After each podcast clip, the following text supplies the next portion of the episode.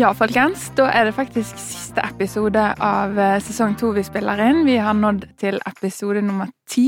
Kribler det i magen, Lone? Ja, jeg må jo faktisk si at det er litt vemodig, da. Ja, Ja. det er det.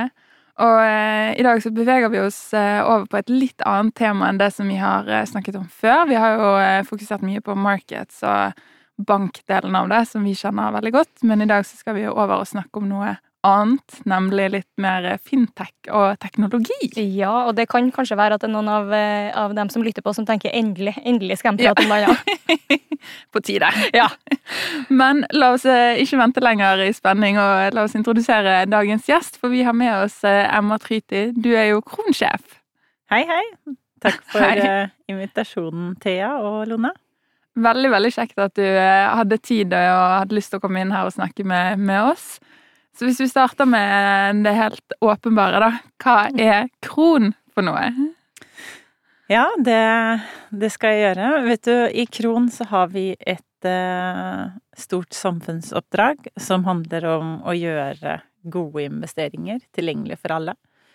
Gjennom smart bruk av teknologi så gjør vi det som tidligere var forbeholdt eh, proffene, eller de med mye penger, tilgjengelig for alle.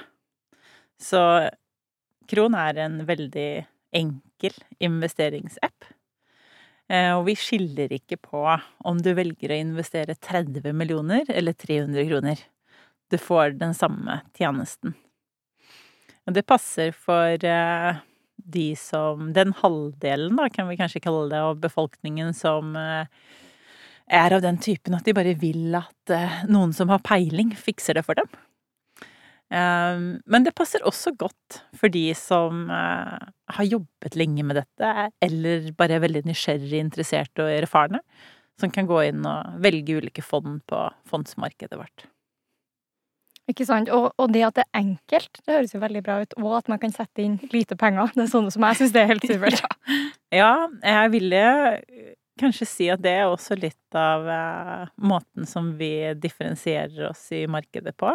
Og dette samfunnsoppdraget, det er jo ganske viktig, eh, fordi folk flest, eh, eller i Norge da, så er det 52% av nordmenn har fortsatt ikke begynt å investere pengene sine. Mm.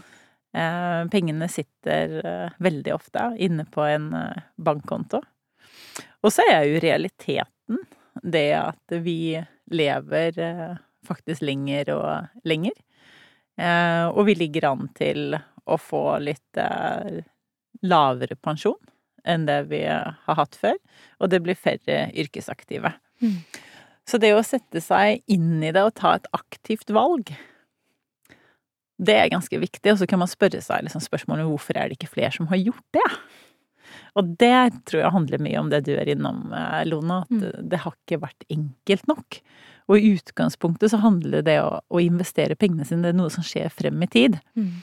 Så for folk flest så er det ganske kjedelig.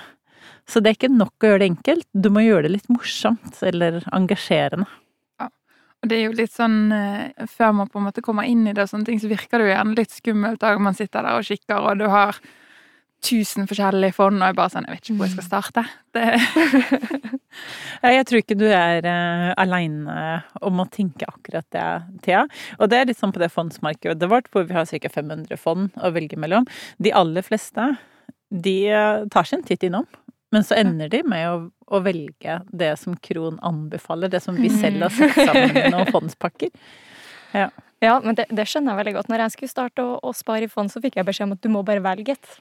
Det syns jeg var et eh, veldig vanskelig råd å forholde seg til. Bare, men hvordan skal jeg velge? Og spesielt når man er eh, analytisk anlagt av seg, som ofte økonomer er, så ønsker du jo gjerne å ta et bevisst valg. Og når du får beskjed om at du bare skal bare gå for, etter magefølelsen, det syns jeg i hvert fall var veldig, veldig ut, utfordrende. Så det er fint å ha noen som kan hjelpe deg på veien, da. Ja, og jeg tror det er der teknologien kommer til sitt rette, da. Fordi det er akkurat sånn som du sier, det å bli bedt om å ta et valg. Allerede da så har du fått en terskel som er altfor høy til å komme forbi. Mm. Men eh, hvis vi på en smart og enkel måte kan bli godt kjent med deg, sånn at vi eh, har egentlig full oversikt over dine preferanser og behov, og så kan vi si, Lona, vi syns at det, den fondspakken her, Mm. eller disse løsningene her, det passer akkurat deg. Mm. Fordi ABC. Da trenger du egentlig ikke å ta et valg. Du får en anbefaling, men så har du tatt Du har hatt en aktiv holdning til å gjøre noe med det, da. Mm. Og det kan være litt sånn tilfredsstillende følelse for mange. Klapp på skuldra. Ja. Men eh, hvordan Altså, når du jobber og er lederen og sjefen for Kronen, hvordan, hvordan ser egentlig en hverdag ut, eh, eller en helt vanlig dag ut eh, for deg? Ja, det er jo noe med det ordet hverdag, ikke sant? Det liksom, kanskje det er noe Burde vært mye rutiner og, og preg som er likt fra dag til dag rundt det, men det kan jeg si at det er det ikke. Okay. Det er eh, Hverdagen er ekstremt variert. Når du er leder for et selskap, så har du totalansvaret. Eh, Og som leder for et vekstselskap innenfor regulert virksomhet, Mm. så pleier jeg å se på det som en, eh, en form for trekant som skal balanseres. Hvor du på den ene hjørnet av denne trekanten så har du det som handler om utviklingshastighet. Du må innovere raskt, og du må Mhm. innovere raskere Mm. enn konkurrentene dine. Du må levere enklere og mer engasjerende brukeropplevelser. Og så det andre hjørnet i denne trekanten, det handler om kvalitet. Vi er strengt regulert eh, av Finanstilsynet. Det er særdeles viktig å overholde regulatoriske krav og sikre god kvalitet i løsningen når vi forvalter mange milliarder på vegne av helt vanlige mennesker. Eh, men det er jo heller ikke så vanskelig å kombinere det med utviklingsfart og kvalitet hvis du gjør det veldig kortsiktig. Mm. Men som et vekstselskap så handler jo egentlig alt om hva du skal få til frem i tid. Så det tredje hjørnet av denne trekanten er skalerbarhet. Mm. Sånn at du må faktisk klare å holde det korte og det lange perspektivet i hverdagen. Mm.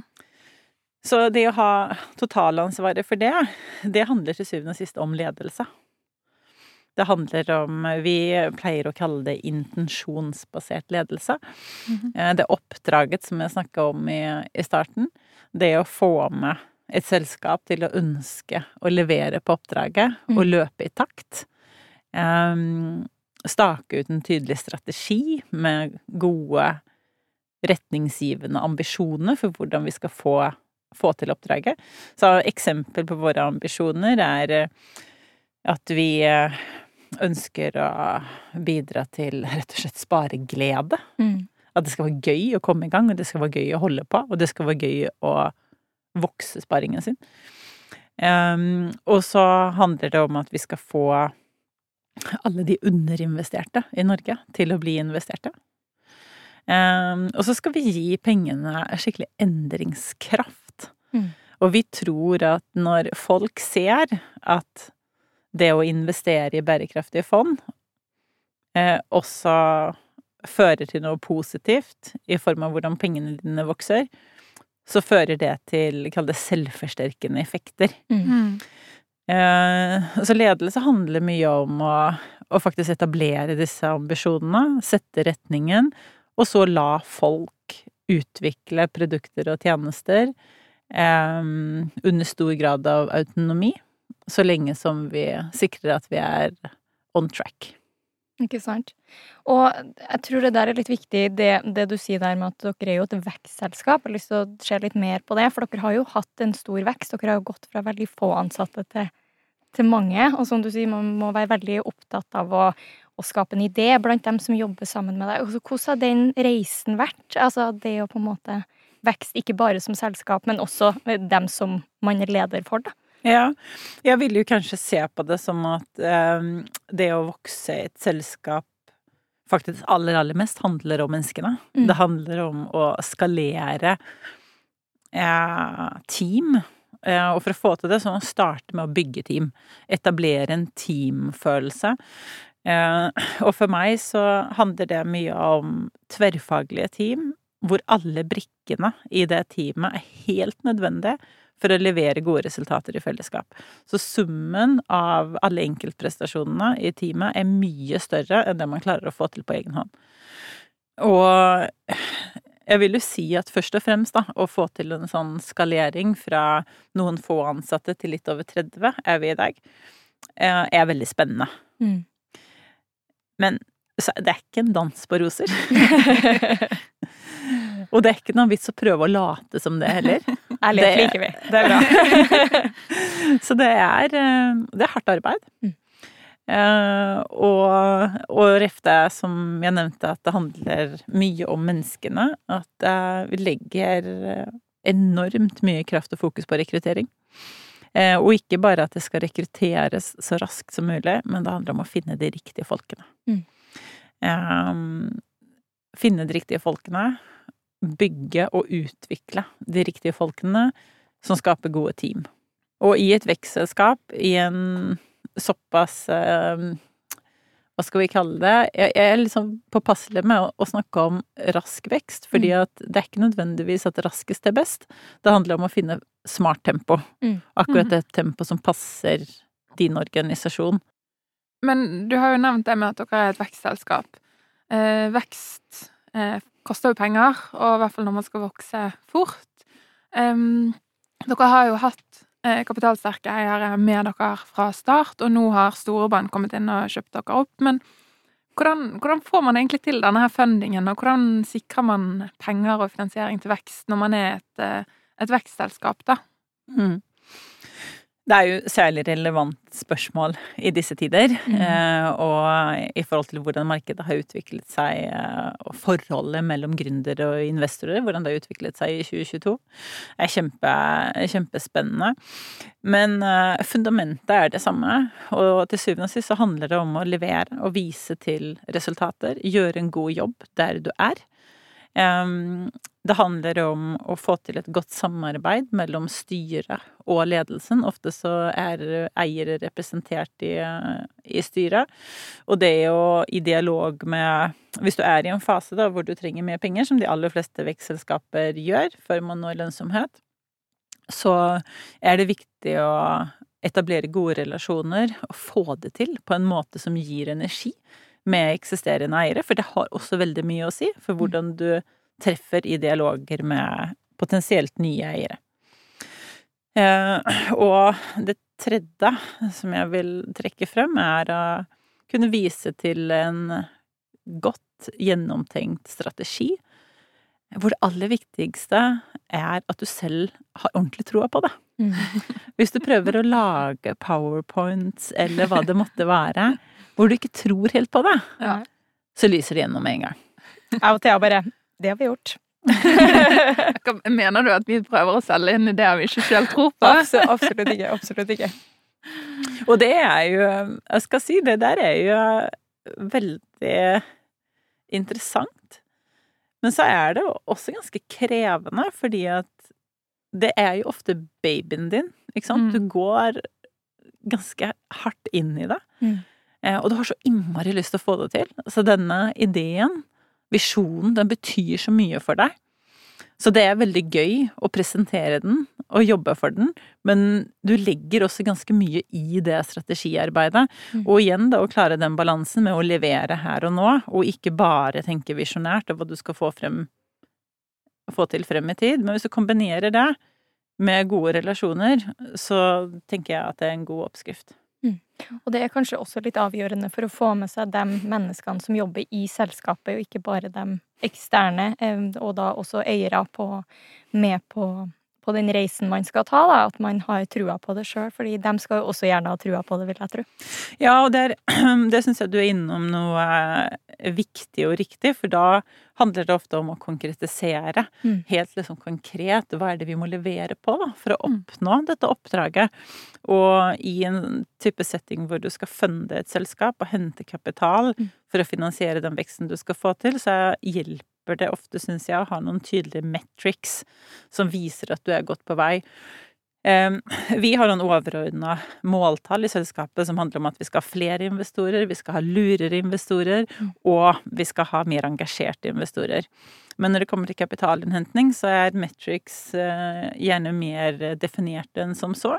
Så vi jobber mye med eksempel lifetime value over eh, kundeakvisisjonskost. Mm. For å hele tiden se på det forholdet. Hvor mye er denne kunden verdt, og hvor mye koster det oss å få denne kunden? Mm. Et annet viktig spørsmål er eh, hvordan vi kombinerer markedsføringspenger på merkevarebyggende tiltak, Mm. i motsetning til det som er taktisk markedsføring, Mm. som gir eh, gjerne nye kunder med en gang. Mm. Um, og den endrer seg jo fort i forhold til hvilken fase du er i selskapet. I starten så er det mye viktigere med taktisk markedsføring.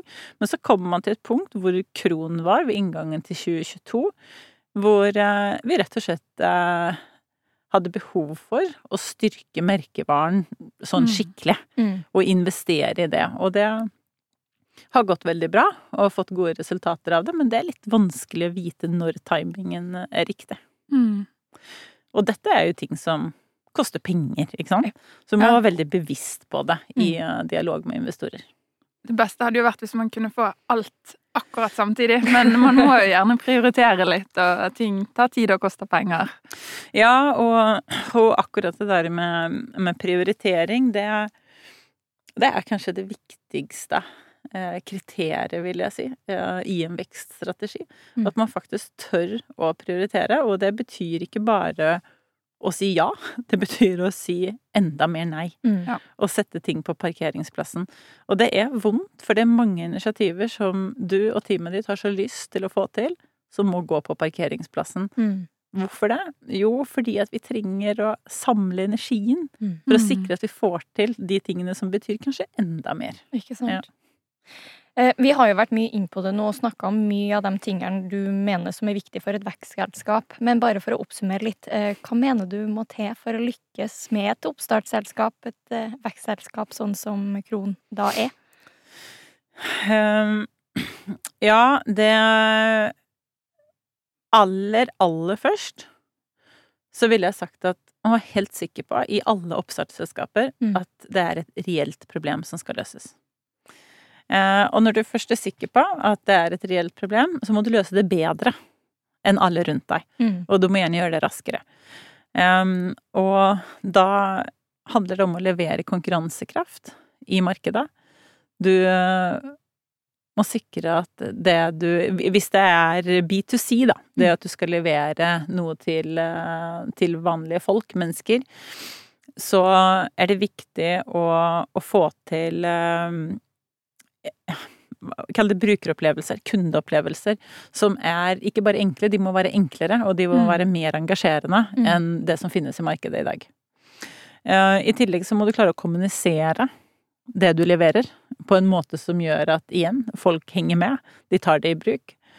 Eh, Og for det tredje så trenger du å sikre at du når ut til mange. Mm. Ja. Å bruke distribusjonskraften, det er, den er som sterkest. Og det er ofte det siste der, det er ofte den største utfordringen for små selskaper. Mm. Eh, Men mye enklere i typisk de selskapene der dere jobber. Ikke sant? Det, får litt gratis markedsføring der. eh, Heia Nordea danske. Ja. Men eh, Emma, du har jo en veldig spennende og variert bakgrunn, eh, og du har jo vært innom mye forskjellig, da. Eh, For du er jo utdannet innenfor matematikk og finans, og så i 2019 så ble du kåret til en av Norges 50 fremste teknologikvinner. Hvordan var egentlig den overgangen fra matte og finans til eh, teknologi? Ja, vet du, det har jeg kanskje aldri sett på som en overgang. Mm, I mitt hode er nok det mer en naturlig utvikling. Mm. Um, matematikk Jeg har alltid vært veldig glad i, i matematikk og um, analytiske fag generelt. Um, det handler mye om å knekke koder. Mm. Det å være glad i å løse problemer, det kan man jo ofte se allerede når barn er ganske små, ikke sant? Om de liker den der nysgjerrige rundt å, å løse problemer. Eh, og til syvende og sist, med det vi For å løse de større globale utfordringene, da, så handler det om å identifisere hvilket problem er det vi ønsker å løse. Det er alltid nummer én. Og så kan du bruke matematikk som et middel til å tydeliggjøre problemet eller forstå bedre hvordan du skal løse det. Og på lik linje bruker du teknologi til å faktisk eh, lage løsningene på problemet. Mm. Så teknologi er egentlig bare et middel for å løse et identifisert behov. Mm. Og i tillegg så er det noe med mindset rundt hvordan du tenker som matematiker og utvikler, som er ganske, ganske likt. Mm. Mm. Og du har jo vært innom eh, flere sektorer, du. Jeg hørte annet en podkast hvor du nevnte at du egentlig hadde lyst til å bli fotballspiller, blant annet. Eh, hvordan har det seg at du havna innenfor fintech? Er det, det det som du nevnte nå, at det handler om selve problemløsninga bak det? Var det det som på en måte appellerte deg til å gå inn i den sektoren? Uh, vet du, jeg er ganske styrt av, uh, kall det magefølelse. Gut feeling. Ja. Hva jeg syns virker skikkelig gøy. Mm. Og blir ofte veldig engasjert i problemene og oppdragene vi skal løse. Um, og det var tilfellet med VIPS også, Mm. som var kanskje den store inngangen til akkurat fintech. Um, det var jo litt kronglete å overføre penger før. Ja. Når du skulle hente ut kontonummer for å få det til. Det er sånn hessel i Mm. hverdagen som frustrerer meg, da. Og så kommer du ikke så langt med å bli frustrert for ting, du må prøve å løse det. Mm. Så det å bare bytte ut dette kontonummeret mot mobilnummer, ja, det oh, høres det er ut som så en gøy greie Vi å er alle jobbe med. veld, veldig glad for at det var noen som gjorde det. Ja, altså det har gjort ting så mye lettere. Ja, og um, når jeg begynte å jobbe med VIPS, så var jo denne ideen allerede lansert. Mm. Um, men det var på det tidspunktet hvor uh, vi begynte å rigge det som en ordentlig satsing i, uh, i DNB. Um, og kort oppsummert så handler det kanskje om uh, nysgjerrigheten rundt å få jobbe med noe som hadde ordentlig fart i Mm. seg. Eh, morsomme folk. Og en mulighet til å holde laserfokus. For det var kanskje det som trigget meg mest. Til å gå inn og holde ordentlig fokus på å løse dette problemet, og se hvor stort vi klarte å gjøre det på kortest mulig tid. Og vi har jo vært litt inne på dette med at du har bred erfaring fra ulike områder, og du har hatt ulike jobber og vært innom VIPS og, og andre stillinger innenfor finans. Um, hvis vi kikker litt inn i framtiden, da, vil, tenker du at det er nødvendig for fremtidige ledere å ha veldig bred erfaring, eller eh, tror du det kan funke òg hvis man er superspesialist da, Det Thea egentlig spør om her, er kan jeg og hun bli ledere, eller, Eller er vi for eller er vi lost case allerede? Han bare peiler til sin sånn lukket alle dører. Ja, det er et, eh, det er et godt spørsmål, syns jeg. Jeg ville jo sagt at det er ikke noe fasit på det. Eh, Men jeg har troa på å tørre å kaste seg ut i nye utfordringer. Det trenger ikke nødvendigvis å bety at man skal bytte arbeidsgiver. Nå jobber jo dere begge to i to ganske store konserner som jeg kjenner ganske godt, eh, og vet også fra den kaffepraten vi hadde i stad, at dere har hatt eh, ganske mange forskjellige typer utfordringer, forskjellige typer jobber innenfor der dere har vært. Ehm, Det er jo også store muligheter eh, innenfor finans eh, i Norge til å spille enda mer på samarbeid. Jeg syns det er mange aktører som har godt av å kanskje samarbeide enda mer. Samarbeid mellom liten og stor. Eh, Så jeg har troa på å tørre å utfordre seg selv. Mm. Det tror jeg er særdeles viktig for fremtidens ledere.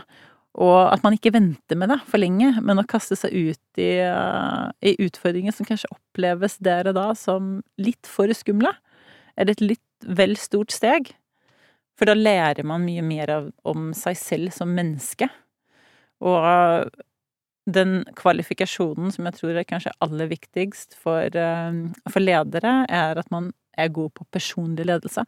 At man kjenner seg selv godt til å starte med. Da blir det mye lettere å lede andre. Altså, det tror jeg er et kjempegodt poeng, at man bør kaste seg ut i nye ting, selv om utfordrende. Helt klart. Det tror jeg nok eh, Hvis man får beskjed om at du plutselig skal begynne å ha ansvar for mange mennesker når du hitter bare å ta ansvar for seg sjøl, det tror jeg kan føles ganske sånn, sånn stort. Så har du noen tips til unge lederspirer som kanskje er litt nysgjerrig på det, og som kanskje står litt på den vippen i forhold til å tenke at ah, men kan jeg gjøre det her? Kan, er det noe jeg kan få til? Ja, mitt eh, kanskje sterkeste råd er å tørre å si ja. Mm. Lytt til magefølelsen. Hvis dette høres gøy ut, så tenk at du heller sier ja. Og så kan det være litt skummelt, og så er det nesten litt rart hvis det ikke er litt skummelt. Da må du nesten spørre deg selv om du har utfordra deg selv nok. Men tør å lytte til magefølelsen og, og si ja. Og så er det en, et annet element, kanskje særlig til unge ledere, som, eller som du sier, da, hvis du skal bli leder uh, første gangen. Tør å tenke at du er trygg i deg selv. Mm. Og når du er trygg i deg selv, så er det helt ok å være utrygg i sak.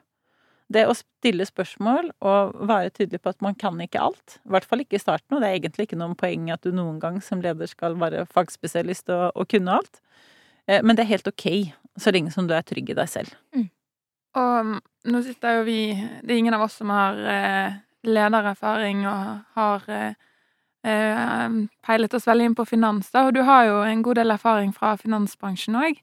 Har du noen eh, tips hvis det er noen unge som er interessert i mer generelt i finans, eh, og ikke nødvendigvis den lederretningen, da? Ja, dere nevnte det jo innledningsvis i forhold til at denne episoden kanskje handler litt uh, om litt andre ting enn det mange av deres tidligere episoder, men jeg syns jo det å nerde seg ned i, i særlig eh, markedsbiten da, eh, av, eh, av, finans er kjempespennende. Eh, og det er jo noe med den koblingen mellom eh, makrobildet, behov som skal løses hos kundene i hverdagen, og teknologi, som gjør akkurat finans så innmari spennende. Mm.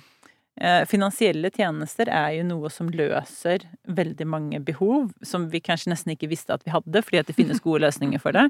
Men så vet vi også at det er en god del av løsningene som uh, ikke er helt eh, fremtidsretta enda.